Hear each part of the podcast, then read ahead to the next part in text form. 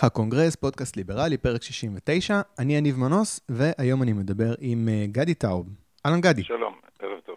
אה, גדי טאוב, דוקטור גדי טאוב, אה, תסריטאי, סופר, איש אקדמיה, דוקטור למדעי המדינה, וידוע בכתיבה פובליציסטית. לא, לא מה? לא מדעי המדינה, היסטוריה של ארצות הברית. סליחה, היסטוריה של. אה, ידוע בכתיבה פובליציסטית בעיקר בעיתון הארץ, טורים בעיתון הארץ, אבל לא רק. אה, כתיבה שבמסגרתה הוא סודק את השיח המקובל של השמאל, אני אקרא לזה, מבפנים. אה, בכל הנוגע לנושאי הסכסוך עם אה, שכנינו הפלסטינים, אבל גם בפירוק של נושאים קצת יותר מופשטים שמשפיעים על השיח שקשורים באקדמיה, כמו פוסט-מודרניזם למשל. נדבר אחרי זה על הפוסט-מודרניזם, אני רוצה להתחיל דווקא עם נושא הסכסוך אה, עם הערבים, עם הפלסטינים. Uh, זה פודקאסט שפונה בעיקר לקהל ליברלי במובן הליברטריאני. זאת אומרת, אנחנו מדברים עם אנשים שבגדול רוצים להקטין את הכוח של המדינה, של, uh, את הכוח של המדינה על החיים uh, uh, שלי ושלך, הפרטיים.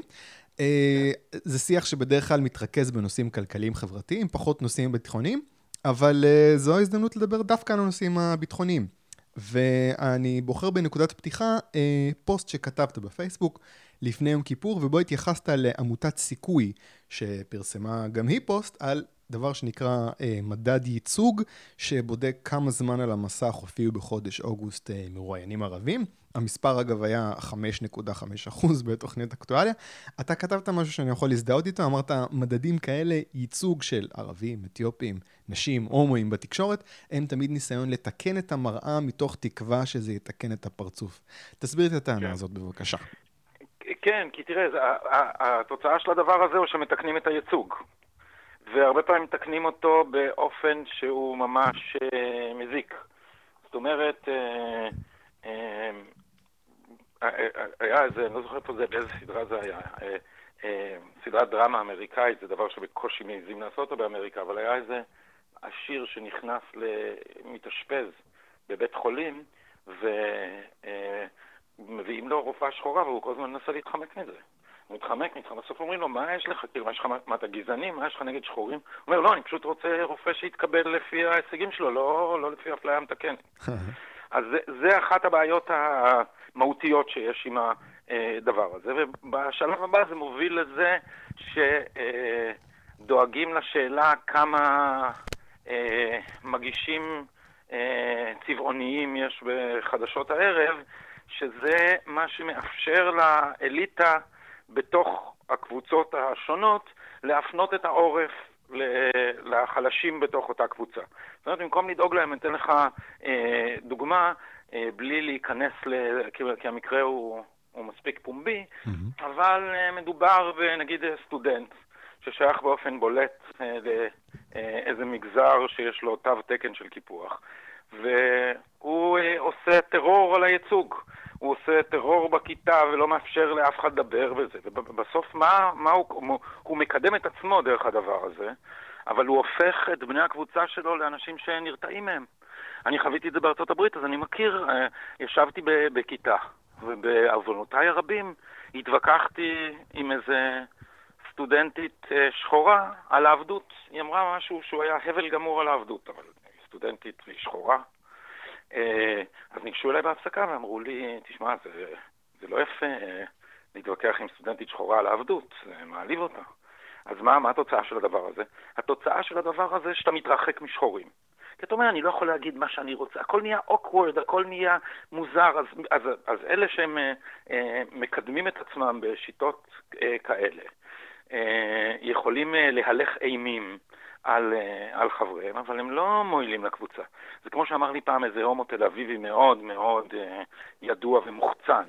אה, אמר לי פעם, אתה, אני, התווכחנו משהו, נדמה לי, על משפחות אה, אה, חד-מיניות או, או איזה נושא אחר קרוב. הוא אמר לי, אני, יותר קל לי להסתדר עם אלי ישי, שנדמה לי שהיה אז שר הפנים.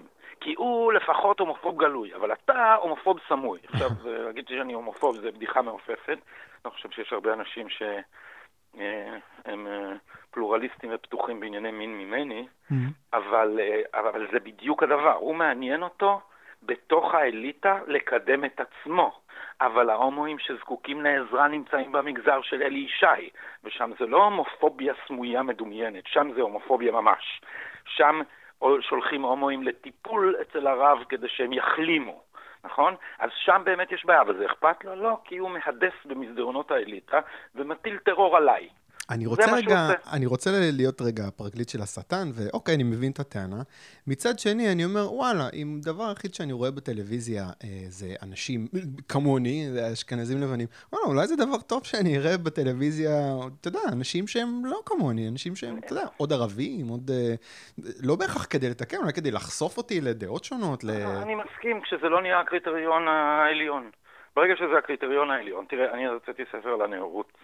יש בו מאמר אחד של אישה. לקחתי את המאמרים הכי טובים, המאמר הזה של האישה הזאת היה מצוין. הציעו לי עוד כל מיני אחרים, יכולתי לעשות את זה, כי זה מה שקורה עם הפוליטיקה של הייצוג. אמרו, יש פה 13 מאמרים ולמה רק אחת אישה? בחרתי את הכי טובים, מה אני אעשה? והפוליטיקה של הייצוג היא דבר מעוות ומעוות. תראה, כל השיח שלנו על פמיניזם, הוא כל הזמן אומר, אבל אין, אה, הנה, רוב, יש יותר גברים בעמדות כוח. למה יש יותר גברים בעמדות כוח? יש יותר גברים בעמדות כוח, כי לנשים יש בחירה בין קריירה לבין הבית, ולגברים אין. אין. זה לא דבר שבאמת קיים. זאת הסיבה. אז יש נשים שמעדיפות את הבית, אז אסור להגיד את זה, זה לא טוב, זה לא אה, תקין פוליטית, זה לא מקדם את העניין. אבל הנה הפוליטיקה של הייצוג. והדבר הזה, אתה יודע, הגיע לבית המשפט בארצות הברית ב-1986. במשפט סירס uh, ריבוק, שתבעו אותם אגב הממשלה. אמרו להם, במשרות הבכירות אין אצלכם מספיק נשים. וזה סימן לאפליה. ובית המשפט קבע שהייצוג הלא שווה הוא לא עדות לאפליה, בשביל עדות לאפליה צריך כוונה להפלות. Mm-hmm. כי מה העדויות שהוא הביא? העדויות שהם הביאו זה שיש נשים שמעדיפות אה, אימהות, ושבגלל אה, שהן עושות הפסקה כזאת בקריירה, אז הן לא יכולות להתחרות אחר כך עם הגברים שלא עושים הפסקה כזאת בקריירה. אז אם אתה מודד רק את הייצוג, אז אתה מגיע לתוצאות אה, שמעוותות את תמונת המציאות. אני רוצה רגע להתמקד אה, בערבים. אה, אולי עוד קצת, להגיד דברים קצת שנויים במחלוקת. יש לי קצת דילמה כשאני מנסה להכליל על הערבים. כי אמנם יש דבר כזה שנקרא תרבות, ואם אתה מגיע מתרבות ברברית, אז זו לא גזענות להניח מראש שאולי המטען התרבותי שלך לא כולל למשל כיבוד של אה, זכויות נשים, אה, אה, הומואים, ובאופן כללי מי ששונה ממך. מצד שני, להניח מראש שכל ערבי הוא ברברי זה גם קצת בעייתי אה, בעיניי. אתה מסכים איתי שיש פה איזשהו גבול מסוכן אה, שאסור לחצות כשאתה כותב על נושאים כאלה? זה לא, זה לא גבול, זה שני דברים שונים. Okay. אוקיי. אף אחד לא אמר, אני לא מניח שכל ערבי הוא ברברי. אני מכיר מלא ערבים שהם לא ברברים. אוקיי. Okay. אבל עדיין, התרבות הערבית ויחסה אל האינדיבידואל, יחסה לאחריות אישית, יחסה למודרנה, יחסה לנשים, יחסה להומואים, יחסה לאלימות, הוא מחריד בעיניי. מחריד, אז אתה יודע, לא, לא אומרים את זה, לא אומרים את זה, אבל זה, אנחנו מסתכלים מסביב, יש כישלון ברמת הציוויליזציה שנכשלה. תראה, שום, שום עיקרון של סדר לא מחזיק, זה מאוד מפחיד המקום שבו אנחנו נמצאים במזרח התיכון, כי הריבונות עצמה מתמוטטת מסביבנו. מה זה האביב הערבי? זה סופת שלג היה הדבר הזה. זה התמוטטו כל עקרונות הארגון, והאסלאם לא מצליח להיות עיקרון אלטרנטיבי. איזה מין עיקרון אלטרנטיבי? הוא דאעש. זה מה שהוא מביא, הוא מביא לסדר הרסני של אלימות פנימית ו, אה, ודבר שממוטט את עצמו. אז התרבות הערבית חברה לתרבות התקינות הפוליטית, שבה אה, אף פעם הקורבן הוא אף פעם לא אשם. אז אה, אדוארד סעיד חבר לנטייה של התרבות הערבית ומושגי הכבוד שלה, שאף פעם לא, לא מתמסרת לביקורת עצמית רצינית. ואז תמיד מישהו אחר אשם. תסתכל, זה, זה, זה השיח הפוסט-קולוניאלי באקדמיה, של אדוארד סעיד וכדומה, הכל אשמת הקולוניאליזם, וזה השיח בעולם הערבי, הכל אשמת הקולוניאליזם. לא בכל מקום הקולוניאליזם השאיר רק נזק. בהודו הקולוניאליזם השאיר אחריו קדמה ודמוקרטיה. אז זה נכון שהוא עצמו היה דכאני והיה צריך להילחם בו. וטוב עשו ההודים, אבל הם גם למדו ממנו. אגב, מרקס והרצל היו שני אנשים שאמרו שהקולוניאליזם זה פרויקט של סתירה פנימית. מפני שהוא מלמד את האנשים שעליהם הוא משתלט, את הערכים שמרוקנים אותם, את השליטה הזאת מתוכן, וההודים אימצו את הערכים האלה, וייסדו דמוקרטיה, אני לא אגיד מפוארת, אה, עם, עם, עם הרבה מאוד בעיות, אבל בכל זאת דמוקרטיה שרוב האנשים בעולם החיים תחת דמוקרטיה, נדמה לי, הם בהודו. Hmm. אז בכל זאת הישג עצום. והעולם הערבי הצליח להיפטר מהקולוניאליזם, אבל לא לאמץ ממנו את מה שהוא יכל ללמוד ממנו. אז כמובן אסור להגיד את זה, כי קולוניאליזם כל פעם שאומרים עכשיו באקדמיה צריך לעשות שלוש פעמים צפו ולך שום בצל. אבל, אבל זאת האמת. אה, הדימוי שלך, כמו שאני מבין אותו, הוא של מישהו שעשה קצת אה, מסע כזה, נגיד כמו שאירית לינור עשתה. היית שמאלני, נתת צ'אנס לשלום, ראית שזה לא עובד, התפכחת. אה, אני כן מאמין שבסופו של דבר צריך לעשות שלום, אולי אפילו לפעמים התנחלויות. אני רוצה שתיתן לי רגע את התסריט האופטימי שלך. זה קורה? איך זה קורה? אתה מסוגל... דיבר, דיברת על, על זה שהחברה הערבית סביבנו לא אימצה את הערכים האלה שהקולוניאליזם, שהקולוניאליזם אה, היה יכול אה, לתרום לה. זה לא קורה. אז זהו, אנחנו נשארים במצב הזה שאנחנו חייבים לשלוט על, ה, אה, על הברברים שנמצאים פה, כי אחרת הם יעשו מלחמה נגדנו? זאת אומרת, זה... כן, יש... כן. אוקיי. אנחנו, ו... אני, אני, בשלב זה אנחנו... אני, תשמע, אין לי כרגע אפשרות לסיים את הכיבוש. אין. אין אפשרות ריאלית, כי את הצבא אי אפשר להוציא משם. אני הייתי שמח להוציא משם את ההתנחלויות ולהבהיר שאנחנו הולכים לחלוקה בטווח הארוך, מפני שאנחנו לא רוצים לספח עוד שני מיליון פלסטינים. מפני שאני רוצה להתרחק מהם, ואני ודאי לא רוצה לשלוט עליהם. אני לא מנמק את זה רק ב, על ידי, השמאל טיפס פה על, על עץ אה, גבוה שאין איך לרדת ממנו, אני לא הולך לנמק את זה גדעון לוי סטייל על סמך זכויות האדם שלהם, כי אני מעריך שאם נצא משם זכויות האדם שלהם דווקא יידרדרו. כי אני רואה מה קורה בעזה. יהיה להם שלטון עוד יותר גרוע משלטון הכיבוש הישראלי. אבל אני לא רוצה לעשות את זה. אני לא חושב שזה תפקידי. אני, אני, אני, לא... אני אלך מהצד השני. אין להם את הזכות במרכאות להחליט אה, אה, למען עצמם, ואם רוצים לדפוק את עצמם, אז וואלה, שיהיו בריאים? כן, כן, יש להם את הזכות הזאת. אבל אין להם את הזכות אה, להמשיך לפגוע בי, אז אני אמנע את זה מהם בכוח. זה, זאת הסיבה שהכיבוש צריך להישאר, אבל ההתנחלות זה מפעל ערבוב. זה דומה לזכות השיבה. אני לא רוצה לערבב, אני רוצה להפריד. עכשיו, אם אתה שואל אותי, אני לא יודע איך לעשות את זה אה, אה, בטווח הקצר, אני רק יודע איך להכין את הקרקע לאפשרות הזאת. אבל אני לא רואה איך זה קורה בטווח הקצר. תסתכל מה קורה בעזה. אנחנו לא יכולים להרשות לעצמנו עזה במסלול תלול מעל אה, נתב"ג. אוקיי, okay, ונניח ומה שאתה מציע קורה, איך מגיעים למצב ש... אה, אה, אתה יודע, הפלסטינים סביבנו כן מאמצים איזה שהם עקרונות שאפשר בסופו של דבר להגיע ל... ליחסי שכנות? איך עושים לא את זה? לא יודע, לא יודע. להם? כי, כי, לא יודע, מפני שאנחנו לא שמים לב שהתמוטט עיקרון הסדר מסביבנו. אני לא יודע, אני עכשיו תגיד לי מדינה פלסטינית, עכשיו ת, תביא לי פרטנר שאומר אני מוותר על זכות השיבה ואני עושה מדינה פלסטינית. אני לא מסכים. אני לא מסכים, כי אני לא סומך עליו, ואני לא סומך על עקרון הריבונות הלאומית בעולם הערבי, שהוא מספיק יציב כרגע. מדינות הלאום כאילו, הערביות מתמוטטות מסביב, ודווקא הפלסטינית הקטנה פה תחזיק. אני לא, אני לא רואה את זה ככה, אני לא יודע אם ירדן לא הולכת להתמוטט. אני לא יודע אם השיעים לא יצליחו לחדור אל המרחב הזה אה, דרך סוריה ודרך עיראק, ודרך ירדן. עיראק הם כבר אה, הצליחו. כן. אז, אז אני לא, אני לא, תשמע, מדינות לאום במזרח התיכון זה...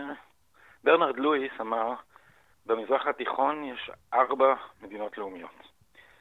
ישראל, מצרים, איראן וטורקיה. כל השאר, הוא אמר, זה שבטים עם דגלים. ולכן אי אפשר לסמוך על הלאומיות כעיקרון מארגן. תראה, אנחנו כמעט ירדנו מרמת הגולן. היינו יורדים מרמת הגולן ועכשיו זה? עכשיו זה מה שקורה שם? זה היה קורה בגבול עם הכנרת? אתה יודע, זה לא... אנשים פה מדברים באיזה מין אה, אופטימיזם כזה, א', כאילו, זה, זה, זה, חלק מזה זה חוסר יכולת לראות שהאחר הוא באמת אחר. Mm-hmm. הוא לא דומה לנו. ואצלו הלאומיות היא לא העיקרון המארגן. והעיקרון המארגן הזה לא הצליח, ואף עיקרון אחר לא הצליח. אז אנחנו פה ב, נמצאים בעיצומו של נהר לבה זורם, שאנחנו אי קטן עליו, ואנשים רוצים לעשות על הבסיס הזה הסדר קבע, אז אני לא מבין מאיפה יש להם את האופטימיות שיש פה במשוואה הזאת מספיק קבועים אה, בשביל, בשביל אה, לעשות איזה חישוב לטווח ארוך. אוקיי, okay. אה, אני רוצה לדבר רגע על עניינים אה, פנימיים יותר. אה, נעזור רגע את הפלסטינים, לפחות ביהודה ושומרון ובעזה. האגף השמאלני, אם אפשר לקרוא לזה ככה, של המחנה הליברלי, ליברטריאני, שמיוצג בעיקר על ידי קבוצה שנקראת אה, חופש לכולנו. הם אומרים שהבעיה עם הפלסטינים זה לא הכיבוש, אלא השלטון הצבאי. זאת אומרת שהבעיה היא אה, שזכויות אדם ואזרח ניתנות רק לחלק מהאנשים שגרים בטריטוריה הזאת, אה, מדינת ישראל. אני שמעתי אותך מדבר על חוק הלאום וציינת שמדובר בסוג של התגוננות לגיטימית בפני ניסיון בשם השוויון לפורר את הלאומיות בישראל. אה, אני, אני אמרתי לגיטימית, אבל אני לא חשבתי שנבונה. אוקיי. אני לא, לא הייתי, אני, אני אומר, בכל פעם ששואלים אותי, אני אומר, כדי לדייק, אני בעד התוכן ואני לא חושב שהיה צריך לחוקק את החוק. אבל התוכן שלו מוצדק. אוקיי, אה, סבבה. אה, אתה רואה עתיד אבל שבו ישראל היא אה, מדינת כל אזרחיה במובן הטוב? זאת אומרת שאין פה אזרחים סוג א' ואזרחים סוג ב', או שהעובדה שזו... אין פה אזרחים סוג א' ואזרחים סוג ב', אני יש פה שוויון אזרחי. כן, אבל עצם זה שזאת מדינה... עצם זה שזאת מדינה יהודית, אתה אומר, זאת מדינה יהודית, מדינת הלאום של העם היהודי. אז בעצם אתה אומר למי שמוסלמי או נוצרי, אתה לא יכול להיות ישראלי בהגדרה. ומדינת הלאום של הלאום האיטלקי, מה אתה אומר לתושבים האוסטרים של איטליה, בדרום טירול? אתה אומר להם שזה מדינת לאום איטלקית ויש להם שוויון אזרחי, אבל הם לא לוקחים חלק בזהות האיטלקית, כי הם לא דוברי איטלקית. הם לא רואים את אבותיהם כאיטלקים, הם לא שותפים לנרטיב האיטלקי. וכך זה ברוב מדינות הלאום, אנחנו כל כך פרובינציאליים שאנחנו פשוט לא יודעים את זה. אז הדוגמה היחידה שיש לנו זה צרפת וארצות הברית. אין בכל זאת איזה... מדינות הלאום, במדינות לאום יש מיעוטים לאומיים.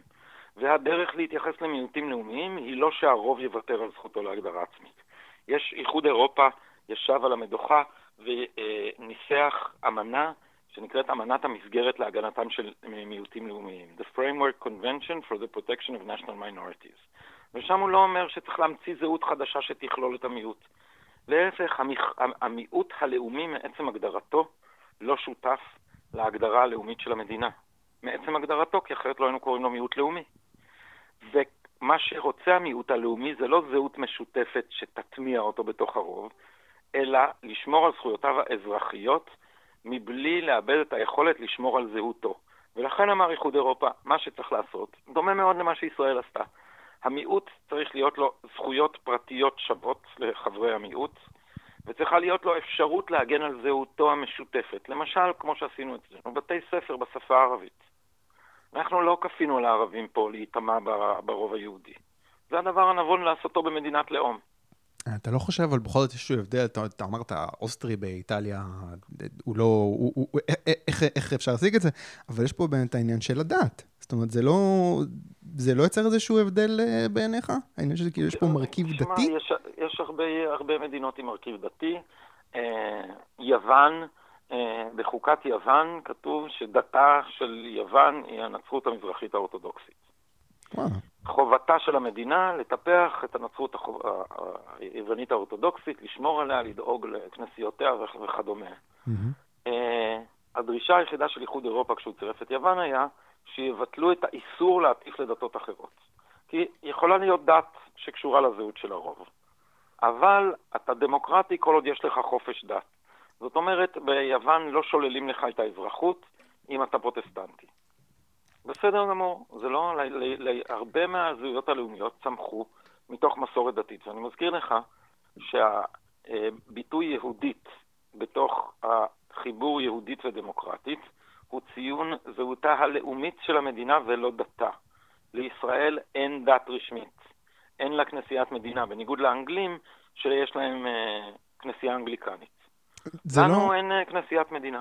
למה בכלל היומרה הזאת של להגיד יהודית ודמוקרטית? אני לא מבין את השילוב הזה. הרי אם יש רוב יהודי, אז היא תהיה אה, אה, יהודית, ואם היא, דמ... אה, אתה מבין, אם היא רוב ערבי נגיד, אז, אז איך היא יכולה להיות דמוקרטית ויהודית? זה ברור.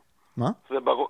דמוקרטיה יהודית מתקיימת רק בתנאים של רוב יהודי, ולכן אני אומר בוויכוחים האלה ברמת הסיסמה, אני אומר, הדרך היחידה לבטל את אופייה היהודי של המדינה היא לבטל את זכות ההצבעה. ואז יהיה אפשר לכפות את זה מבית המשפט העליון. אבל כל עוד יש רוב יהודי וזכות הצבעה כללית, אז באיזה שפה נבחר עברית? ועל, על פי מה נקיים את לוח השנה שלנו? חגי ישראל. אז מספיק להגיד דמוקרטית. השבת, בגלל שהיא דמוקרטית, בגלל שתשאל את רוב האזרחים שלה באיזה יום הם רוצים לנוח, הם לא יגידו לך יום שלישי. הם גם לא יגידו לך יום ראשון של הנוצרים ולא יום שישי של הערבים. הם יגידו לך שבת. אז יש טעם בכלל להצמיד יהודית ודמוקרטית? לא מספיק להגיד דמוקרטית? או רק יהודית?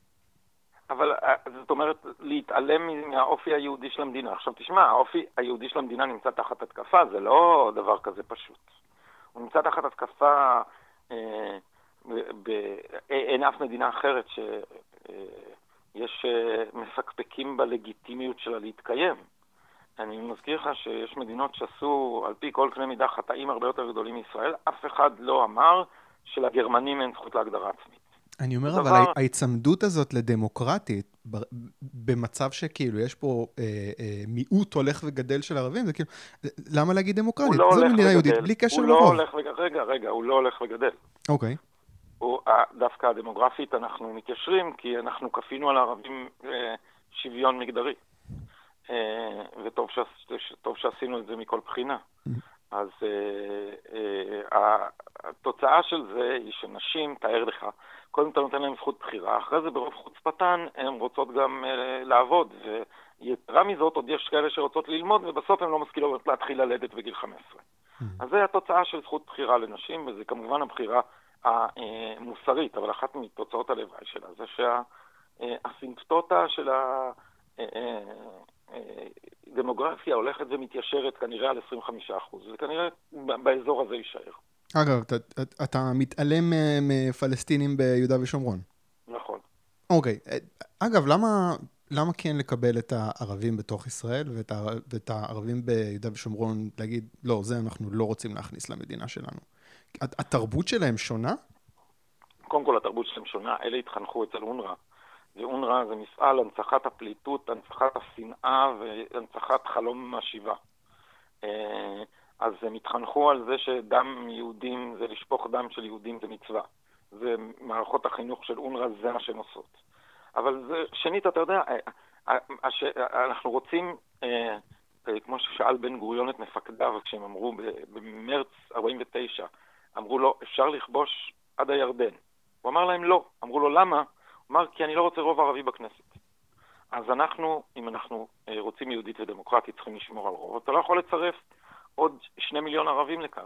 כי אנשים מדברים על זה כאילו זו שאלה תיאורטית, אה, אה, מתמטית. אם יהיה 51 אחוז ערבים או 49, ואם זה יהיה 51, אז זה כבר לא מדינה יהודית. אבל זה כבר לא יהיה מדינה יהודית גם אם זה יהיה 40 אחוז. זה כבר יהיה גודל כל כך מסיבי של המיעוט, שהוא יהפוך את, ה, את המדינה הזאת לבלגיה, למדינה דו-לאומית, שבה אה, שתי תנועות לאומיות אוחזות זו בגרונה של זו.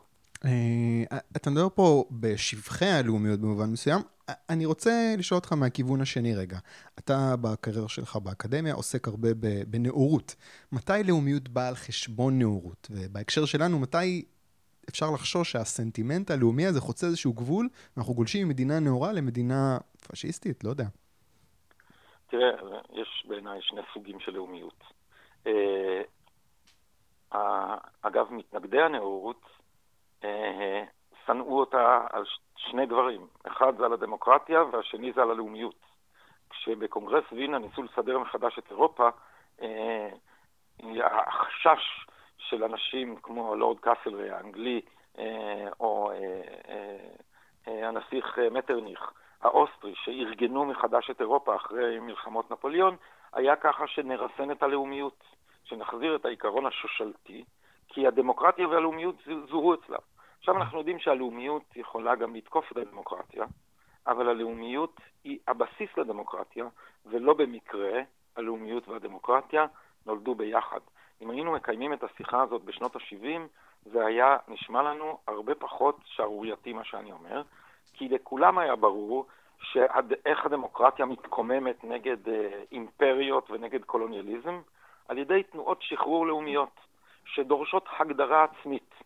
ש... אה, אה, זה, זה, זאת הדרישה הבסיסית של כל מי שמגיח מתחת למגף אימפריאלי, בין שזה האימפריה ההבסבורגית ובין שזה האימפריה הסובייטית, בין שזה הקולוניאליזם הבריטי ובין שזה הקולוניאליזם הצרפתי. ההתקוממות נגד הדבר הזה היא ב, אה, על ידי תנועות לאומיות שדורשות להתנער משלטון זר. עכשיו, האם זה אומר שהן כולן דמוקרטיות? ראינו שלא. לא. חלק מהן לאומניות, חלק מהן לאומניות קיצוניות וחלק מהן ממש פשיסטיות. אז אתה אומר, אבל... אין קשר ישיר בין לאומיות לפשיזם? אתה אומר, להפך, תדכאו לא, את אומר, הלאומיות, יהיה פשיזם. לא, אני אומר, יש, יש, קודם כל, לאומיות היא התרופה ללאומנות. מה שקורה כשאתה מדכא את הלאומיות זה שהיא מתפרצת כלאומנות. עכשיו, יש פה, אני חושב, אפשר להבדיל בין שני הסוגים. אחד זה תפיסה לאומית שאיננה שוללת האחר, שמבוססת על רעיון משפחת העמים, כמו בתפיסת עולמו של הרצל, כמו בתפיסת העולם שמאחורי האו"ם, שאומרת העולם הוא משפחה של עמים חופשיים. שמכיוון שאני מבין את זכותי להגדרה עצמית, אני גם רוצה את זכותך להגדרה עצמית. זאת הסיבה שציונים רבים, ואני בכללם, תמכו במדינה פלסטינית. כי אני, אני אומר העיקרון המארגן הוא העיקרון של ווילסון, עקרון ההגדרה העצמית, והיא זכות אוניברסלית המגיעה לכל העמים. יש לאומיות אחרת, שהיא שלילת האחר, שאומרת, לא, אנחנו לא מממשים זכות אוניברסלית להגדרה עצמית, אלא אנחנו הקבוצה הנבחרת, ואנחנו נעשה את זה על חשבון כל השאר. אני רוצה, אז... אני רוצה רגע לנצל את מה שאמרת ולקפוץ אה, ולשאול, אוקיי, תמכת בזכות הגדרה עצמית של פלסטינים, באיזה נקודה אמרת לעצמך זה לא עובד? הם לא רוצים. מתי? הם לא רוצים. מתי לא אתה רוצים. הבנת את זה? אה, אה, בקמפ דיוויד 2000. אני זוכר, זה ממש היה, אני זוכר את זה כי זה היה ממש הלם בשבילי. כל, תראה, השמאל והימין שניהם הסכימו על זה שהפלסטינים רוצים מדינה ביהודה ושומרון ועזה. השמאל אמר זה יהיה סוף הסכסוך ויהיה שלום, הימין אמר זה יהיה רק uh, הנתח הראשון בסלאמי. Mm-hmm. זה הדבר, uh, uh, המקפצה כדי uh, uh, לתפוס גם את יפו ואת uh, uh, חיפה. Uh, והסתבר ששניהם טעו, כי יאסר ערפאת חושב שהמקפצה היא דמוגרפית, ולכן צריך לא לחתוך את הסלאמי, כדי שיהיה רוב ערבי.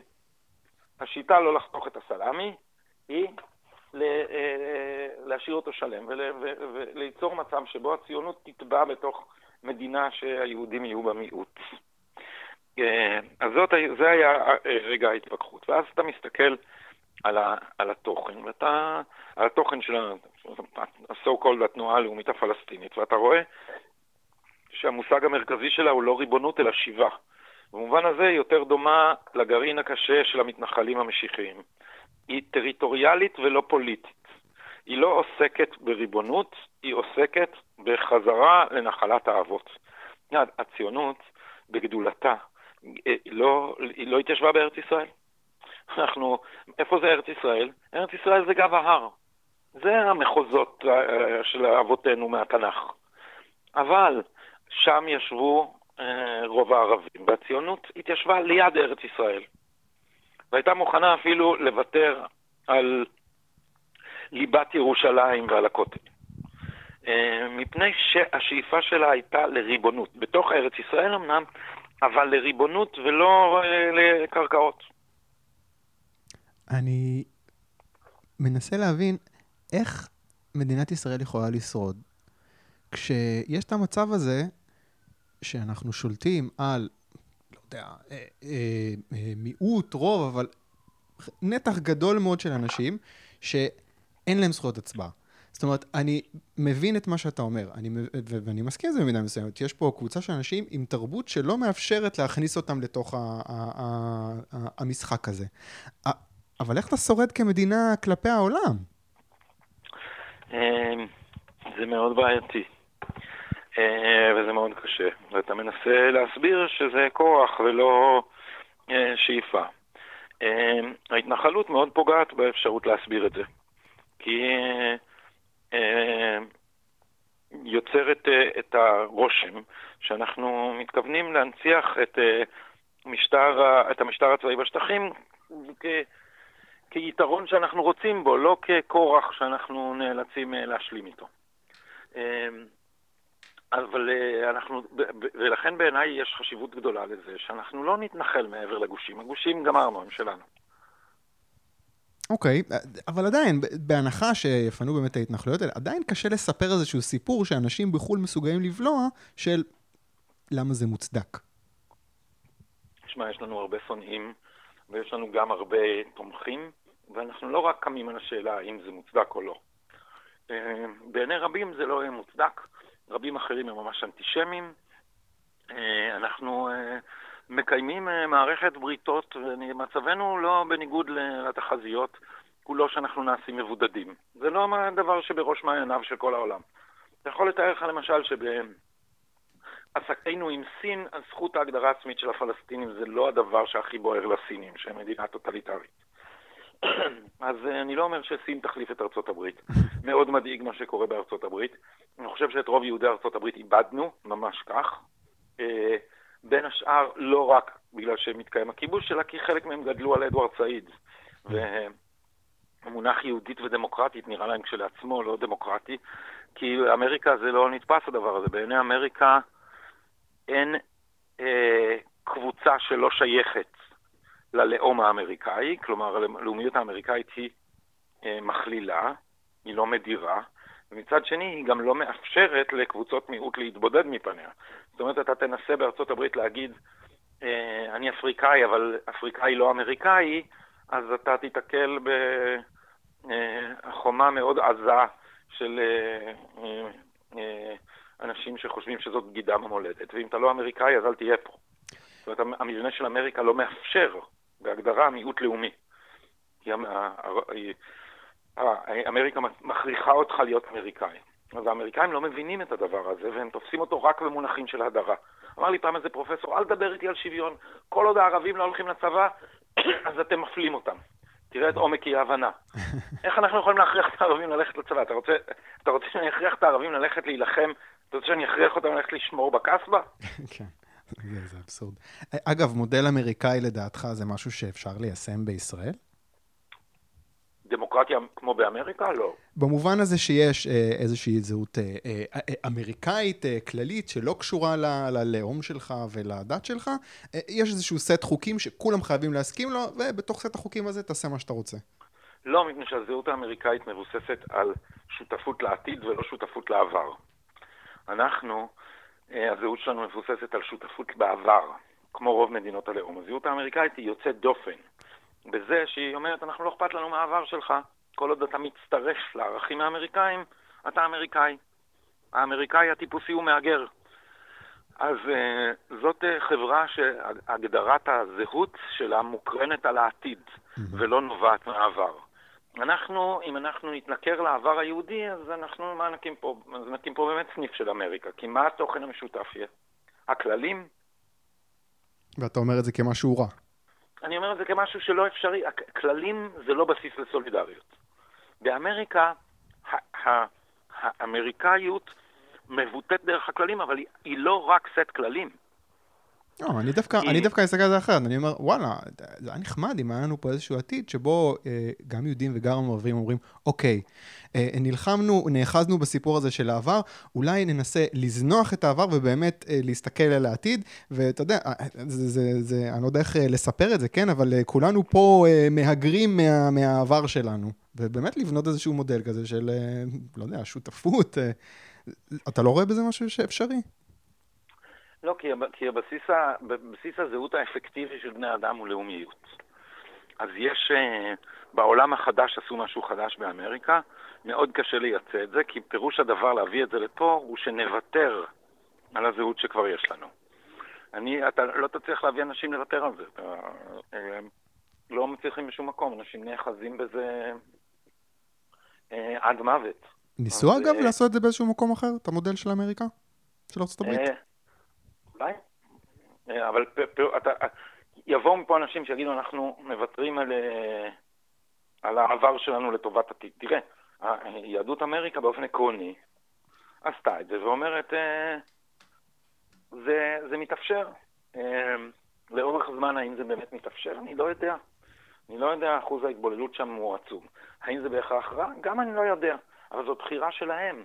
זאת בחירה שלהם האם לשמור על, ה, אה, על אה, המסורת שמעבירים מדור לדור, או להתנכר לה. אה, אני חשדן כלפי הניסיונות להתנכר בה, כי אני לא מוציא מכלל אפשרות אנטישמיות בשום מקום. אני רוצה לחתוך שנייה, אה, לדבר קצת על החוויה האישית שלך כמישהו שחצה את הקווים, איש מחנה שמאל, אה, עברת את המתרס אה, במידה מסוימת. יצא לי לשמוע דיבייט שהיה לך עם רוית הכט בפודקאסט של הארץ. היא הטיחה בך שאתה זיהית לאן הרוח נושבת, ומתוך נוחות ערקת למחנה הימין, כי זו רוח הזמן. ואתה התחלת לספר שם שבסביבה שאתה חי בה זה מאוד לא נוח לעשות את הסוויץ' הזה. יש לזה מחיר. אני רוצה לשאול אותך על המחיר הזה. איזה מחיר יש לזה שהפכת את רוחה במרכאות? תשמע, קודם כל, אה, אנשים קצת מגזימים במידה שבה הפכתי את אורי, לא בגלל שהם אה, בהכרח מגזימים בתיאור עמדתי היום, אלא בגלל שהם אה, מייחסים לי משהו אחר בעבר. ההתפכחות שלי הייתה הדרגתית במובן אחד בלבד, שזה הסכסוך. בתחום האנטי-תקינות פוליטית, מה שקרה שהשמאל נסחף. לכיוון הפוסט-ציוני, שהייתי נגדו מאוד מאוד בחריפות, הפוסט-ציוני והפוסט-מודרני, כבר במרד השפוף לפני 21 שנה. Mm-hmm. אז בזה לא היה שינוי גדול. בתחום המדיני, קודם אה, הייתה לי אכזבה אחת ב-2000, שאמרתי, הם לא רוצים חלוקה, הם רוצים ההפך. Mm-hmm. ואז עברתי להיות חד-צדדיסט, ותמכתי, אני לא מתחרט על זה, תמכתי ביציאה מעזה, אבל אחרי זה, אחרי מלחמת לבנון השנייה, כשראיתי כמה טילים יכולים לשתק את המדינה וכמה אנחנו חסרי אונים מול זה, אמרתי, גם, גם את החד צדדים חסמו לנו. Mm. גם האפשרות הזאת כבר לא קיימת. אז הדבר הזה היה הדרגתי. זה שזה, תראה, זה, זה, זה כואב בעיקר כשחברים, כשזה בא מחברים. יש אנשים שניתקו איתי את הקשר, אה, זה מצער אותי, זה מצער אותי שהם כאלה מוגבלים, שהם אה, לא יכולים אה, לסבול ויכוח. ואני מכיר את משטרת המחשבות שהיא מאוד מאוד מרושעת ואכזרית. שמנסים לעשות לך מיד דה-לגיטימציה באופן פרטי. אתה, זה, ה, ה, ה, השמאל הוא הרבה פחות סובלני מהימין. אה, הימין, אני רואה את זה למשל בפייסבוק, שהמתווכחים משמאל נעלמים בעוקבים שלי. הם כאילו באים, כועסים והולכים. אה, הימנים רגילים שמתווכחים איתם. הם אפילו, יש להם, הם התחסנו קצת בהרבה שנים של אה, השפלה. שאתה יודע, כל ההתנסות הזאת של השמאל, שמתחת ל-IQ זה וזה אתה ימני, ומעל ל-IQ זה וזה אתה שמאלי. והשמאל מאוד התנוון, הוא לא יכול להתווכח. אה, הוא נאחז בהשקפת עולם אבסורדית, אה, שנאלצת אה, להכחיש את העובדות ולבנות אה, חומה ענקית של fake news. אה, וליבי ליבי לאנשים האלה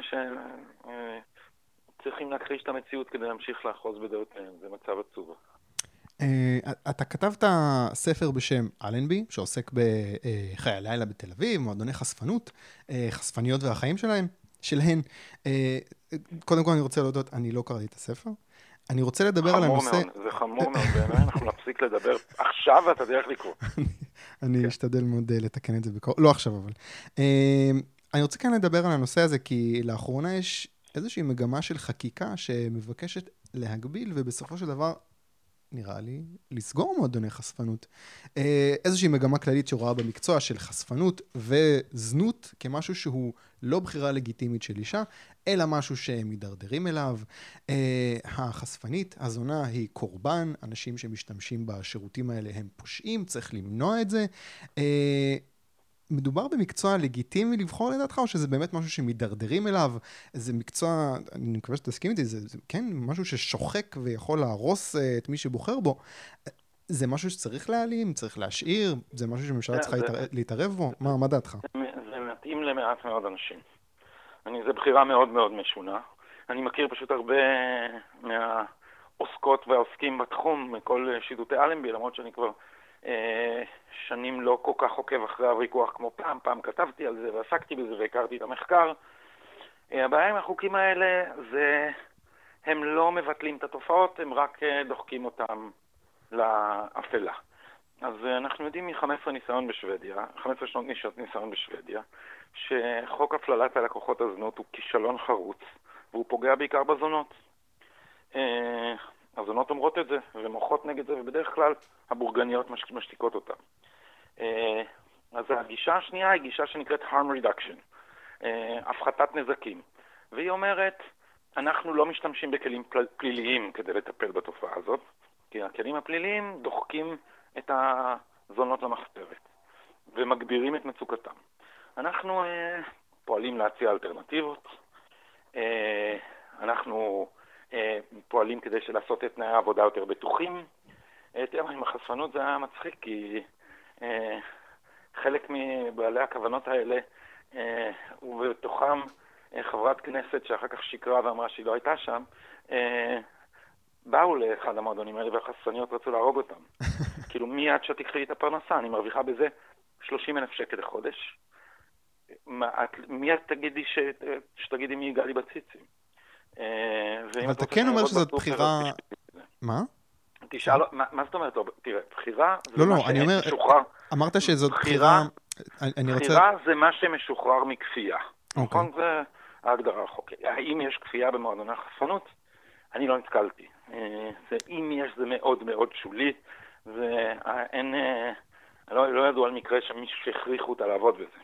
אבל, אז, אבל אמרת שזאת בחירה שלא מתאימה ליותר מדי אנשים, זאת אומרת, נכון, זאת כן נכון. בחירה שעלולה להיות מסוכנת, אה, אפילו אולי רוב הסיכויים תהיה מסוכנת אה, אה, בשבילך, אז כן יש פה בעיה.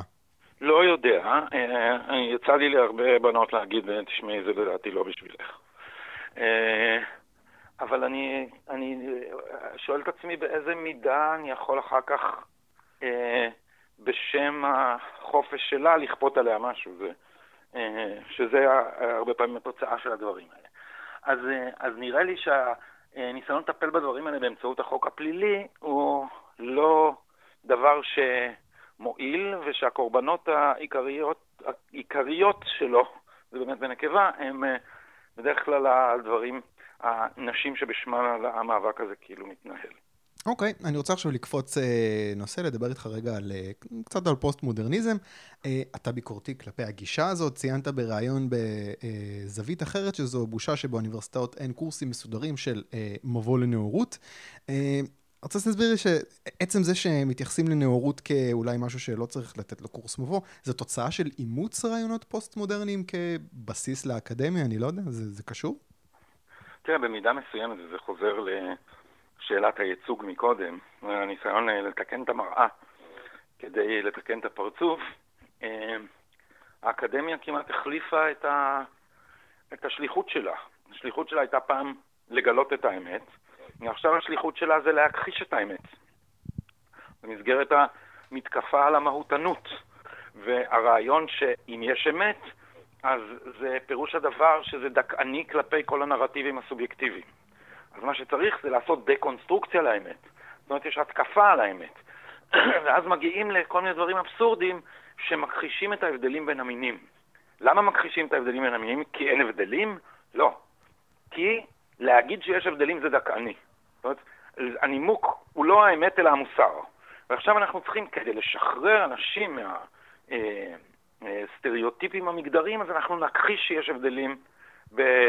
אה, בין המינים. למה נגיד את זה? כי זה נכון? לא, כי זה טוב. איך אנחנו נעשה משהו בין, טוב בניגוד לנכון? נכחיש שיש דבר כזה נכון. עכשיו נקרא לנכון מהותנות. ואתה, אבל אה, אתה, זה, זה אגב טיעון שיש בו סתירה פנימית, כי הטיעון נגד מהותנות מניח שבאופן מהותי אנחנו גמישים לאינסוף. הוא כן מניח שהדבר הזה הוא מהותי לנו, שאנחנו, אה, שאין בנו קביעות. זה המהות היא הנזילות. אמ, אז הדבר הזה, הוא בכל האגפים דרך אגב, עוסק בהכחשת האמת. בואו נכחיש שיש הבדלים פיזיים בין גברים ונשים, כדי שנשים לא ייחסמו בפניהם מסלולים קרביים. אחר כך, בבוחן באור, בקפיצה מעל הקיר נשים ספסל כשהנשים עוברות, כדי לזייף את התוצאות, כדי שלא... אבל זה הדבר, אתה יודע, אני מכיר את זה מכשאני ילד, שבו היו אומרים אצלנו, היה ויכוח כשהייתי בבית הספר, היה ויכוח על הקבצות. זה לא טוב לעשות הקבצות במתמטיקה. למה זה לא טוב? כי אתה הורס לילד את הביטחון כשאתה אומר לו אתה בהקבצה שלוש במתמטיקה. זאת אומרת, יש ילד שמתקשר במתמטיקה, מה צריך לעשות? להכחיש את האמת, להכחיש שהוא מת, מתקשר במתמטיקה, ועל ידי שנכחיש את זה, אנחנו לכאורה נתקן את זה. זה מה שאני קורא לתקן את המראה על ידי, ולקוות שזה יתקן את הפרצוף. אבל זה לא מתקן את הפרצוף. זה לא עוזר לו במתמטיקה שתשים אותו בחמש יחידות אם הוא לא טוב במתמטיקה. אני יודע את זה. אני הייתי בחמש יחידות, כי אני נורא אוהב מתמטיקה, ואני לא טוב בזה. אז הייתה לי מורה פרטית. עכשיו, כדי ללכת למורה פרטית, היה צריך להיות, תשמע, זה היה, ישבתי בכיתה של המורה גרשוביץ, שאני עד היום אני אוהב אותו אהבת נפש, אה, שלימד אותנו דברים שמעבר לבגרות וזה. וכל פעם שהייתי מצביע בכיתה הזאת, כל גאוני המתמטיקה של השכבה, קראו לכיתה שלנו מתמטיקה 12 נקודות, כל גאוני השכבה היו מסתובבים עם המבט הזה של, אוי, גדי, אל תעשה את זה לעצמך, בחייאת. אבל אני, אני אומר לך, הייתי מאוהב בזה, ממש, זה, זה אחד הדברים, היה המון תסכולים והמון כאב והמון זה, אבל אם, אם, אם לא הייתי מודה שאני חלש והולך לקבל עזרה וללמד אצל מורה פרטית, לא הייתי גומר את הבגרות חמש יחידות, שאגב, קיבלתי בציון יותר נמוך ממה שהייתי, כי שכחתי לענות על שני סעיפים בשאלה, אחרי שפתרתי את הפירמידה, או מה שזה לא היה. אה, אז גמרתי עם שמונה משהו. הייתי יכול להגיע לציון גבוה, כי עבדתי ממש ממש קשה. אבל בשביל זה אתה צריך להודות שיש בעיה. אז uh, אני uh, יודע על בשרי שהדבר הזה של אם היו אומרים לי, לא, אתה, אתה טוב כמוהם, אז אני הייתי uh, מלמד את עצמי לשקר ובסוף uh, מתפייד ונעלם מהכיתה הזאת, או בטח לא מתאמן. אני רוצה לדבר איתך רגע על תוצרים של השיח הפוסט-מודרני הזה, פוליטיקלי קורקט, גישה רב-תרבותית, אפילו גישה פרוגרסיבית. הרושם שלי הוא שלתופעות האלה יש שורשים מרקסיסטיים כלשהם, נגיד אסכולת פרנקפורט. אתה טוען שגם לגישות אינדיבידואליסטיות יש אחריות לאופנה הזו. זה, נכון. טענה שאני לא, לא שמעתי, אז ת, תסביר לי מה, מה קורה. בהחלט. קודם כל אתה צודק שיש לזה שורשים מרקסיסטיים וזה ברור. מרקס אמר, הפילוסופיה לא צריכה לתאר את העולם, היא צריכה לשנות אותו. הנה לך המראה והפרצוף. אחרי זה אסכולת פרנקפורט, אה, כל ההבל הזה של השיח הרציונליסטי שהוא דכאני והלוגוס, אחרי זה זה נהיה הלוגוס והפלוס וכל הדברים האלה. אז הצד הזה אנחנו מבינים אותו. אבל כל העסק צבר תאוצה בשנות ה-60. ובשנות ה-60 נולדה הרב-תרבותיות. והרב-תרבותיות, בניגוד לדגש שלה על קבוצות שאנחנו רגילים אליו, היא תופעה, היא גלגול של אינדיבידואליזם אמריקאי. כי תראה, הקבוצות זהות האלה תמיד מתפרקות. כמה אותיות הוסיפו כבר ל-LGBT של הלהט"ב? כן. הוסיפו, ראיתי באיזה מקום 18 אותיות, וזה תמיד ימשיך להתפרק. כי העיקרון המארגן של הדבר הזה הוא כל הגדרה קבוצתית של הזהות אה, מדכאת את החופש של הח... החלקים בתוכה להגדיר את עצמם. ולכן זה תמיד ימשיך להתפרק, זה דבר שהוא, אם קוראים את נגיד ג'ודית באטלר, ג'ודית באטלר זה שיא הימין, שיא הימין. זה מצחיק אותי שקוראים לדבר הזה שמאל. באיזה מה זה ג'ודית באטלר? ג'ודית באטלר זה ג'ון ויין, זה ה-self-made man, שהפך ל-self-defined transgendered individual. נגד, נגד מה ג'ודית באטלר? היא נגד, היא אומרת את זה, נגד כל סוג של סולידריות, כי סולידריות זה דיכוי. זה אחידות וזה דיכוי. אז כמו שאמר המורה שלי, ג'קסון, ג'קסון לירס, הוא אמר, מי ההשראה של ג'ודית באטלר? ניטשה. ניטשה. זה העצמי הקדוש שאסור להגדיר אותו מבחוץ. וזה, מי שמכיר את התרבות האמריקאית, זה רלף וולדו אמרסון, שאגב ניטשה מאוד הושפע ממנו, שאמר שהעצמי זה תמיד פרויקט בעבודה. אז זה מה שהפוסט-מודרנים עושים, הם, לוק... הם, הם, הם, הם, הם לוקחים את האידיאל הרדיקלי של אינדיבידואליזם. אינדיבידואליזם במובן זה שלא רק שאני אוטונומי, אלא אין לי עיקרון מארגן פנימי, כי אני תמיד רק דבר נזיל. עד כדי כך אני חופשי, שגם הזהות שלי לא יכולה להגביל אותי. וזו העמדה הפוסט-מודרנית בגדול, וזה זה הימין שאיבד שליטה על עצמו. אבל... זאת אומרת, לימין הרגניסטי יש לו אינדיבידואליזם קיצוני ו-self-made man, אבל יש דברים שמרסנים אותו. למשל, ובעיקר, אה, הקהילה והדת. Mm-hmm. לגרסה הפרוגרסיבית אה, שכאילו צצה מן השמאל, של מה שדג אה, רסינוב קרא הפוליטיקה של האותנטיות. האינדיבידואליזם זה לא שמאל. אין שום דרך לתאר את זה בתור שמאל. אז תסתכל על הפמיניזם הקיצוני, הוא בדיוק כזה. הוא מתקיף, כמו באטלר, כל סוג של קביעות וכל סוג של קשר כדיכוי. האידיאל הוא בסוף אה, גם התקפה על האימהות, אה, הוא התקפה על הזוגיות, אה, והוא שואף לאוטונומיות רדיקלית של היחיד. איך לקרוא לזה, זה פינוק של אליטות. תשמע, זה, זה אה, אוטונומיה קיצונית נראית טוב למעלה. בחלק התחתון של החברה, מה זה אוטונומיה קיצונית? הומלס. זה האוטונומיה הקיצונית. הוא לא מחובר לשום דבר, הוא לא מחויב לשום דבר, הוא לא קשור לזהות, הוא לא קשור לציפיות, הוא לא קשור לחברה, אין לו זוגיות, שום דבר לא כופה עליו כלום, הוא לגמרי חופשי. חופשי לישון בארגז שלו. כן, אבל אני אגיד לך למה זה נראה לי, זה, זה נראה לי מוזר, לקשר אינדיבידואליזם לגישות אה, אה, שמאל אה, סך הכל, כמו שאני תופס את זה. נגיד, אה, אה, בן אדם שהוא פרוגרסיבי, ישאף אה, לתקן את החברה, ישאף אה, להגדיל את הכוח של הממשל לעשות אותנו חברה מתוקנת. ואינדיבידואליזם, אני תמיד מקשר את זה דווקא עם חופש, עם, אתה יודע, לעזוב אנשים בשקט, לא להתערב בחיים שלהם. האנשים האלה הם בעד לשחרר אותך לא רק מהמדינה, אלא גם מהשיח. ג'ודית באטלר אומרת שאפילו מתן שם הוא דבר אלים כי הוא קודם לרצוני. זה הרצון הקדוש המשוחרר של היחיד האוטונומי לגמרי. הוא לא, ולא במקרה האידאל שלהם והאליל שלהם זה פוקו. יש התקפה יותר קיצונית על המדינה מפוקו? פוקו לא מוכן שום צורה של ארגון חברתי. כל צורה של ארגון חברתי, כל צורה של מערכת מושגים. לא מדבר על, אתה יודע, הרי פוקו קושר בין הפסיכיאטריה למנגנוני האכיפה, mm. למדינה, לבתי החולים, למדע, למדעי האדם שממשטרים אותנו דרך אמצעי הכפייה. למה הם אה, נגד השיח הלאומי, האנשים האלה? כי השיח הלאומי, הם אומרים, מחבר את שיח הזהות למנגנוני האכיפה. אז הם בעד האוטונומיה הכי רדיקלית שיש. זה פוקו.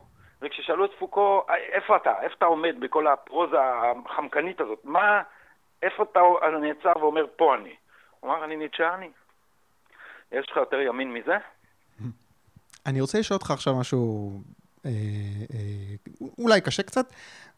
בוא נלך רגע הפוך. יש משהו טוב מבחינתך בפוסט-מודרניזם, בגישה הביקורתית הזאת? מה, מה זה כן יכול לתרום את, אה, לשיח, ו- ו- ואיפה זה חוצה את הגבול אולי והופך למשהו, לאיזושהי מפלצת אולי ש- שאוכלת אותנו? קודם כל זה לא ביקורתי, זה דקלומי. העמדות הפוסט-מודרניות, אני אומר לסטודנטים, לסטודנטים, אין דבר יותר קל להבין מאשר העמדות הפוסט-מודרניות. זה תמיד שואל את אותה שאלה. השאלה היא לא מה האמת, השאלה מי קובע ולאיזה צורך. כי זה מניח שכל אמת היא הפוליטיקה של האמת. לכן אסור לנו לשאול מי היא האישה, וזה נקרא מהותנות, עלינו לשאול מי קבע ולאיזה צורך. מי קבע, מי ייצר את השיח אודות מגדר, מי שלט בו? גברים. לאיזה צורך? לצורך שיעבוד אנשים. זה כל המנגנון הפוסט-מודרני, איפה שלא תלך איתו. ואין בזה שום ה... תועלת? זה הש... יש בזה תועלת, אם אתה מבין שזה בשוליים. ב... ב... אה, אה, ב... בקור, במרכז, אה, נמצאת שאלת האמת, לא שאלת הייצוג. ואז אה, השאלה, כשאתה שואל, אה, נגיד אדוארד סעיד אומר, מה זה המזרח? לא חשוב. ספר שלם אוריינטליזם לא מדבר כלום על המזרח. כן. על מה הוא שואל? על המזרחנות.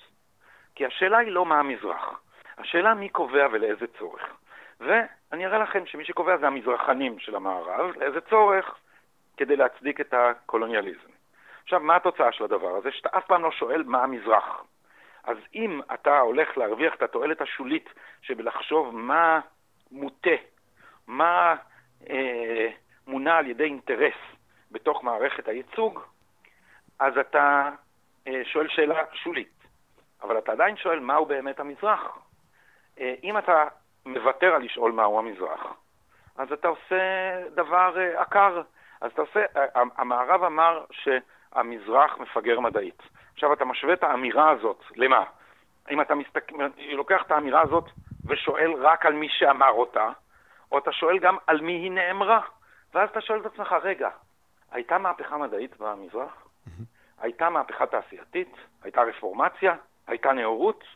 לא, אבל אדוארד סעיד לא רוצה לשאול את זה. אתה יודע, היה לי ויכוח כזה עם סמי שטרית, שהסביר לי באיזה ראיון רדיו הייתי אז, אה, הגשתי תוכנית אה, רעיונות לילית בגל"צ. mm. דיברנו, הוא אמר, הסביר לי שהציונות דיכאה את הזהות המזרחית, שהיא בכלל זהות ערבית, וכפו עליה את הלאומיות היהודית. וזה נורא ואיום. והוא רוצה לשחזר את ה... לשחרר את התרבות המזרחית מהדיכוי המערבי. Mm-hmm. אמרתי לו, רגע, אתה רוצה לחזור גם למבנה המשפחה הפטריארכלי של המזרח? מה הייתה התשובה שלו לדעתך? Mm, התחמק. אה, דומה. אוקיי. אה, אני יכול לתמצת לך את זה יותר. הוא אמר לי, אתה גזעני. אין תשובה, אתה רע. לא, האמת היא גזענית, זה מה שנהיה מהדבר הזה. אז אם אתה רוצה להביא את עצמך למצב שבו אתה אומר שהאמת היא גזענית, שהדיבור על הבדלים בין נשים לגברים הוא שוביניזם, שאסור לשאול על אם נשים נפצעות יותר באימונים עכשיו שהן בקרבי, כי אסור לומר את האמת. אז אתה כמו משטרת שוודיה. משטרת שוודיה, וגם גם משטרת ישראל על המסתננים, לא מוכנה לשחרר נתונים על אה, אונס לפי אתניות. למה היא לא מוכנה? כי זה יעודד סטריאוטיפים נגד המהגרים. אוקיי.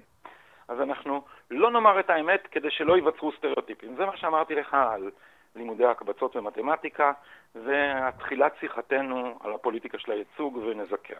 אוקיי, אני רוצה לעשות מעבר חד מאוד לנושא דווקא כן אה, כלכלי, דיברנו עכשיו על הכל חוץ מכלכלה. אה, מאמר מצוין שחלקת בנוגע לסיבה האמיתית לכך שחבילות מסין עולות פחות מדולר. מאמר מדה מרקר, אני רק אה, אתמצת את הממצא העיקרי שם. יש ארגון דואר בינלאומי מסתבר בשם UPO, שפועל בחסות האו"ם וחברות בו 190 מדינות, והוא מכיל... UPO נדמה לי. UPU, אני חושב, זה... אוקיי, EPU, כן. לא משנה. לא, לא, UPU, אמרת כן, UPU. כן. אה, אוקיי, בסדר. Uh, הוא מכיל רגולציה מאוד מעניינת על המדינות שחברות בו, רגולציה בעצם שמכריחה את הדואר במדינה אליה מגיעה החבילה, לשאת בעלויות העברת החבילה בתוך המדינה, לפי העלות של שירותי הדואר במדינת המוצא של החבילה. אז אם רק, נגיד... זה רק במקרה שהמדינת, שהמדינה מקבלת יותר עשירה. כן. זאת אומרת, אז... זה מחלק את זה לפי עושר. ואז זה מחלק את החובה לשאת בהוצאות הדואר, זה מגלגל אותה על הצד החזק, שזה דבר שהיה בו היגיון כדי לעודד אה, סחר בינלאומי. כן. אבל התוצאה המצחיקה, mm-hmm. זה הדבר המדהים במאמר, התוצאה המצחיקה היא שיש איזה בחור, אני לא זוכר איזה מוצר הוא מייצר, איזה ספל נדמה לי, משהו ספל כן. עם... הוא, שהמשלוח שלו עולה שישה דולר ומשהו בתוך ארצות הברית. רגע, זה ספל כזה שאם אתה נותן לו מכה זה לא נשפך אה, מה שיש בפנים, פטנט כן. כזה. לא, לא הבנתי איך זה לגמרי עובד הספל הזה, אבל זה נשמע מעניין. כן. וזה עולה, לשלוח את הספל הזה בתוך ארה"ב ללקוח, עולה שישה דולר ומשהו, בנוסף על מחיר הספל. מי שמזמין את ה rip-off, את הגנבת הפטנט מסין, המחיר של המוצר כולל משלוח הוא פחות משישה דולר. זאת אומרת, להביא, לייצר את המוצר ולהביא אותו מסין עולה פחות מאשר לשלוח אותו בתוך ארצות הברית. אוקיי, okay, ומה שנאמר שם מאוד זה שהדואר בעצם, אה, אה, את העלות הזאת, ההפרש הזה...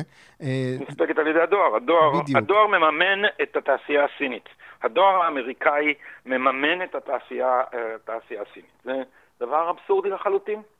כן, ובעצם הם אומרים שם, יש פה אה, באמת סבסוד אה, של ממשלת ארצות הברית לחבילות זולות אה, מסין, ואף אחד לא רוצה לעצור את זה, כי הצרכנים כולם נהנים מחבילות זולות מסין, ומי שסובל לא זה... לא אף אחד, יצרן הספל בארצות הברית מאוד רוצה לעצור את זה. כן, אבל יש מולו, אתה יודע, קהל גדול מאוד של צרכנים שמזמינים חבילות מסין ואומרים, וואי, איזה יופי, אנחנו משלמים על זה שום דבר. קודם כל, למה העלית את המאמר הזה לפייסבוק? זה לא, זה לא דברים שאתה בדרך כלל מעלה. אה, כי זה ריתק אותי, כי אני חושב שאנחנו אה, לא ערים לדרכים המרובות שבהן ארה"ב אה, דופקת את סין, למטרות שאינן טובות. דופק, שארצות הברית דופקת את סין? סליחה, סין דופקת את ארצות הברית. אוקיי. אני מסכים עם סטיבן בנון, שכבר זמן רב אומר שסין זה לא חברים שלנו. סין זה מדינה טוטליטרית, והיא, יש לה תוכנית אסטרטגית להגמוניה עולמית. והיא, המונחים ההיסטוריים שלה הם הרבה יותר רחבים משלנו. הם מדינה בת 5,000 שנה, הם לא מתרגשים מזה שאמריקה שנוסדה לפני איזה 250 עכשיו חושבת שהיא ביג שוט. הם עובדים לטווח ארוך, והם עובדים דרך הכלכלה. הם קנו למשל את נמל חיפה, אני לא יודע למה מכרנו להם אותו. אז uh, צריך להתחיל uh, ל, uh, להתנגד למה, למהלכים האסטרטגיים האלה שמטרתם הגמוניה עולמית. ולמשל, זה המטרה שלהם? זה משהו מוצהר? טראמפ על הסכמי הסחר. אז לא נותנים לטראמפ שום קרדיט. אתה יודע, טראמפ אמור להיות, אה, על פי שהנרטיב הליברלי הוא אמור להיות אה, רוע מוחלט ומושלם בכל דבר. אבל בדבר הזה הוא לפחות מזהה את הסכנה הנכונה. אה, ברון קרא לזה, אמר, הליברלים, האליטה הליברלית עסקה ב-managed decline, בשקיעה מנוהלת. אבל השקיעה המנוהלת, הוא אמר, מובילה לתוצאות בלתי, בלתי אה, רצויות, ולכן צריך לעצור אותה. אה, כמה זה אפשרי? אני קראתי אה, מאמרים אה, שאומרים שזה מאוחר מדי, שה, שסין כבר גדולה מדי וחזקה מדי, ושהמלחמה הזאת היא חסרת תועלת. קראתי ניתוחים אחרים שאומרים שעוד אפשר לעצור את הדברים. אני בכל אופן, עולם תחת הגמוניה סינית זה לא, זה לא נראה כמו אה, עולם מסביר פנים לתפיסות ליברליות ודמוקרטיות. מאיפה אתה מסיק שזאת המטרה המוצהרת של סין? אה, כמה היא מוצהרת אני לא יודע, אבל סין רואה את עצמה כ... אה, היא קוראת לעצמה הממלכה התיכונה, היא רואה את עצמה כמרכז אה, העולם. היא ציוויליזציה מאוד שונה מהציוויליזציה המערבית, והיא אה, עוינת אותה. אז אני אה, מניח שלציוויליזציות בדרך כלל יש שאיפה להגמוניה. אה, שנית, אני קורא עיתונים ואני שומע שזה מה שהם רוצים. ושלישית, אתה מסתכל על מה שהם עושים. אה, הם עוסקים בקניית תשתיות בכל העולם. הם חסרי מעצורים ב... תראה, מה זה הדבר הזה? למשל, ש... שהם, שהם פוגעים, מצפצפים לגמרי על uh, intellectual property, על זכויות יוצרים מכל הסוגים. כן. Uh, מרק טוויין כתב באחד הספרים שהמנוע של הציוויליזציה זה משרד הפטנטים. כי למה, למה זה המנוע של הציוויליזציה? כי זה אומר שאם אתה ממציא משהו לתועלת הכלל, אז אתה אה, מבטיח את זה שאתה תהנה מפירות יצירתך ותתעשר. Mm-hmm.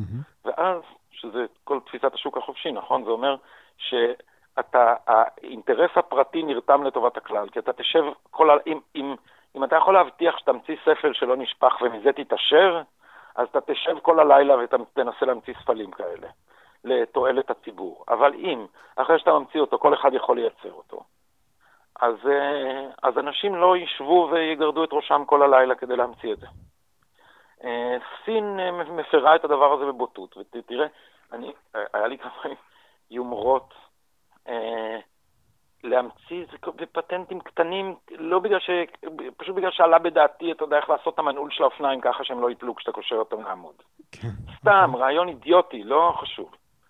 אה, כשרק הוצאתי אותו מפי, באוזניו של איש עסקים, הוא אמר, אין איך לעשות מדבר כזה כסף. אתה תעשה את זה, אם זה טוב, אחרי דקה הסינים עושים את זה. יותר בזול. אוקיי, uh, אני רוצה רגע לחזור לטראמפ. הגישה הכלכלית שלו זה נושא שנוי במחלוקת בקהילה הליברלית, ליברטריאנית. Uh, כולם פה מן הסתם בעד uh, סחר חופשי ושהמדינה עוד תתערב. פתאום בא טראמפ ויוצר מלחמת סחר, מעלה מכסים. רוב הליברלים אומרים, רע, רע מאוד, אה, מלחמת סחר זה רע, מכסים זה רע, הוא לא קפיטליסט. יש מיעוט שאומר, לא, לא, חכו, הוא משחק פה משחק סופר מתוחכם, שבסופו הוא יביא לביטול מכסים מצד סין בכלל, ובסופו של דבר כן יהיה פה יותר שוק חופשי. אה, איך שאתה רואה את זה, מה, מה טראמפ מקדם לדעתך? הוא, הוא קפיטליסט? יש לו בכלל תפיסת עולם מסודרת שהוא מיישם כנשיא בחזית הכלכלית? כי זה נראה כמו שליפות מהמותן כל הזמן. זה נראה כמו שליפות מהמותן מנקודת מבטם של הליברלים. אה, כשאתה שומע מישהו כמו סטיב בנון מתאר את זה, זה נשמע הרבה יותר קוהרנטי. אה, וההנחה שמאחורי זה היא אה, הנחה שאומרת שבתנאים האלה של פתיחות אתה נותן למישהו שמתנגד לשיטה ליהנות מכל היתרונות שלה. זה מה שהוא אומר בעצם על סין, שאומר, הנה, תראה, הם משקיעים בארצות הברית בפטנטים, הם גונבים לנו את הטכנולוגיה. יש פה טכנולוגיה שאנחנו ממציאים אותה. חלקה טכנולוגיה אה, אה, של תעשיית הביטחון, שהיא מאוד מאוד רגישה. ומה הם עושים? אנחנו נותנים להם גישה חופשית, אין מעצורים, אין מכסים, אין איסורים, אז הם משקיעים בחברות שעם R&D, עם, עם Research and Development, אז הם שותפים לנו בהמצאת המקם החדש. Mm-hmm. אז עכשיו הם שותפים לנו בהמצאת המקם החדש, אחרי זה הם בונים את המקם הזה לבד. אנחנו לא צריכים לתת להם טכנולוגיה מתקדמת, אנחנו צריכים לאסור עליהם להיכנס. עכשיו, הרעיון של היד הנעלמה, יש לו משמעויות אחרות כשהשחקנים הם מדינות ולא יצרנים בודדים. Mm-hmm. ויכול להיות שהעולם המערבי עומד מול אה, כוחות שמנסים למוטט אותו, ועל ידי זה שהם משתמשים בשיטה שלו. אז השיטה שלו צריכה להתגונן. זה בגדול מה שחושב ממשל טראמפ. הבנתי. אה, אני רוצה לקפוץ רגע לדבר האחרון שלפני שנדבר על אה, אה, המלצת תרבות. ראיתי שהיה לך דיבייט לפני יותר משנה עם ירון ברוק בנוגע לאי שוויון. אני לא הייתי בדיבייט, אה, אני יודע שמן הסתם אתה תפסת מול ירון את העמדה של אי שוויון כמשהו לא מוסרי. אני רוצה להעלות פה משהו שאמרת בריאיון אה, לזווית אחרת, דיברת שם על נאורות, אמרת שהמכנה המשותף לכל זרמי הנאורות זה הרעיון לפיו התבונה, ציטוט, הרעיון לפיו התבונה היא מה שמייחד את האנושות, ושמתוך היותנו תבוניים נגזר גם שאנו חופשיים. התבונה היא זו שמחלצת אותנו מהזרם הדטרמיניסטי של סיבות ותוצאות, והופכת אותנו ליצורים המסוגלים לבחור את דרכם ולהיות ריבונים על גורלם, סגור ציטוט. אני רוצה שתסביר לי למה אתה נגד אי שוויון, שהנה בציטוט הזה הסברת יפה מאוד, למה זה לא משהו דטרמיניסטי שהאדם לא יכול לשנות. לא, אה, תראה, אני לא נגד אה, אי שוויון אפריורית, ואני לא חושב שצריך שוויון בתוצאה. אני כן חושב שיש מקרים שהמדינה צריכה להתערב כדי לטפל בהם. ותתפלא שאפילו אדם סמית חשב את זה. כי כשנולד ילד מפגר, אז הוא לא יכול להתחרות בשוק החופשי ולהיות חופשי כמוני וכמוך. אז צריך להקים לו מעון כדי שיהיו שם מטפלים וכדי שהוא יזכה לתנאים אנושיים מינימליים. אז אה, ירון, זה היה דיבייט שאני התבאסתי ממנו, אני לא הייתי מוכן, לא הבנתי מאיזה כיוון הוא יבוא, לא הבנתי על איזה קיצוניות מדובר ועל איזה ילדותיות מדובר. זה מין הערצת איין רנד כזאת עיוורת. שרק אם אנחנו הכל הכל הכל משוחרר, המדינה היא רק כוח כפייה והיא רק... בסדר, בסדר. אז uh, אני, uh, אני מוצא את עצמי מבחינה כלכלית שזה לא, זה לא התחום המקצועי שלי, mm-hmm. אבל אני מוצא את עצמי כלכלית בצד הימין של הסוציאל דמוקרטיה. Uh, ואיפשהו באזור הקיינסיאני והדרך שלישית. אני מניח שגם הדבר הזה אני די...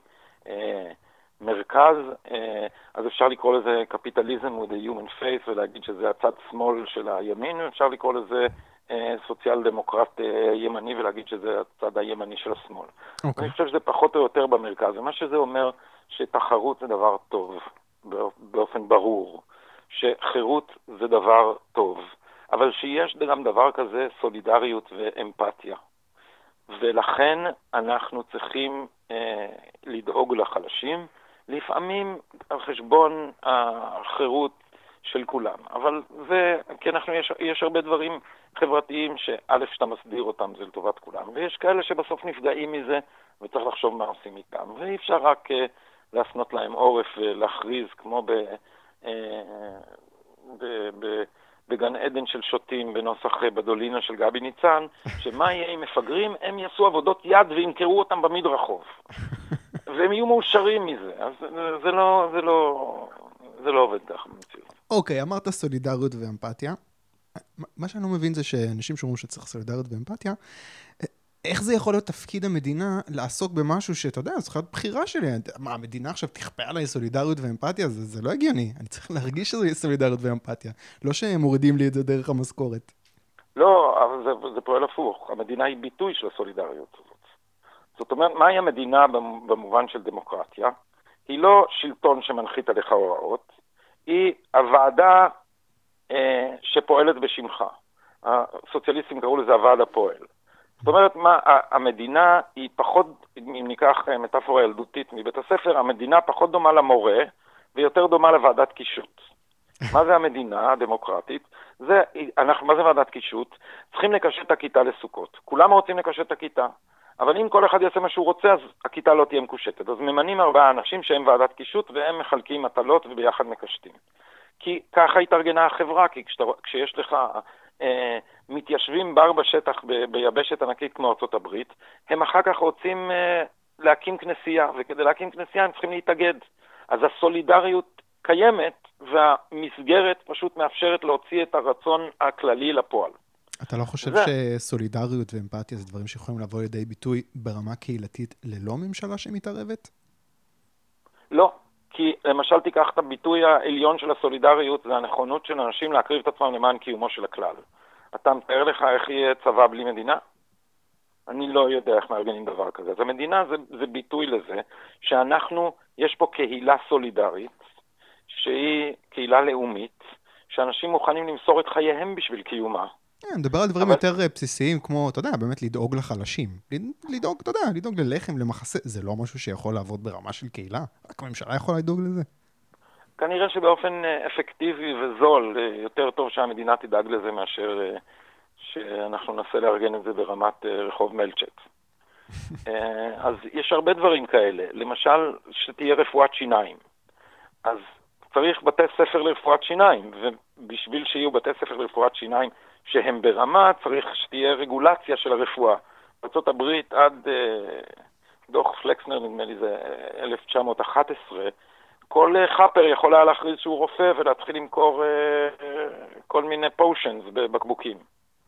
עד שאמרו, אנחנו נפעיל פה סטנדרטים של אוניברסיטה גרמנית, התחילו את זה בג'ון הופקינס נדמה לי, ואמרו, עכשיו המדינה דורשת אישור יש לה מבחן רפואה כדי שתעמוד בסטנדרטים פדרליים, כולם. איך, למה זה טוב? כי אה, כנראה שיש פה גם אה, מדדים אובייקטיביים, ובהיעדר אה, חוק כללי, אז המדינה לא מצליחה לכפות את זה. תחשוב על מערכת הבנקים. יש מערכת פדרלית שאומרת, מה זה דולר? דולר זה חתיכת נייר, למה הוא שווה משהו? כי יש ממשלה פדרלית. לפני שהייתה ממשלה פדרלית, היית מקבל פתק מהבנק בצבע, לא יודע, כחול, והיו אומרים לך, בסדר, אנחנו, הנה, יש לנו פתק מהבנק שיש לך בבנק אה, אה, אלף אונקיות זהב. עכשיו תלך עם הפתק הזה, תעביר את הפתק למישהו אחר, הוא יחזור לבנק, הוא יקבל את האונקיות זהב.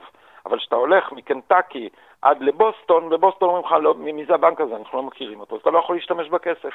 מתי אתה יכול להשתמש בכסף? כשיש ממשלה פדרלית שאומרת, כתוב על הדולר, This note is legal tender for every debt, private and public. זהו. אז יש מדינה שערבה לדולר. אז הדולר יש לו משמעות גם בשוק הבינלאומי, גם בתוך ארה"ב. בלי מדינה לא היה לו. כן, אבל בסופו של דבר, אם אתה חוזר, חוזרים לדוגמה הזאת של המדינה עכשיו ערבה לדולר שלך שיש שווה זהב, בסופו של דבר ביטלו את העניין של הזהב. זאת אומרת, נתקעת עם השטר הזה שאתה לא יכול לפדות אותו בזהב. אבל המדינה עדיין ערבה לו. מה אתה מדבר? אבל הערך של זה נשחק. טוב, אני לא אכנס לוויכוח כלכלי, זה ויכוח אה, גדול מאוד. אמ, הבנתי את הנקודת אה, אה, מבט שלך.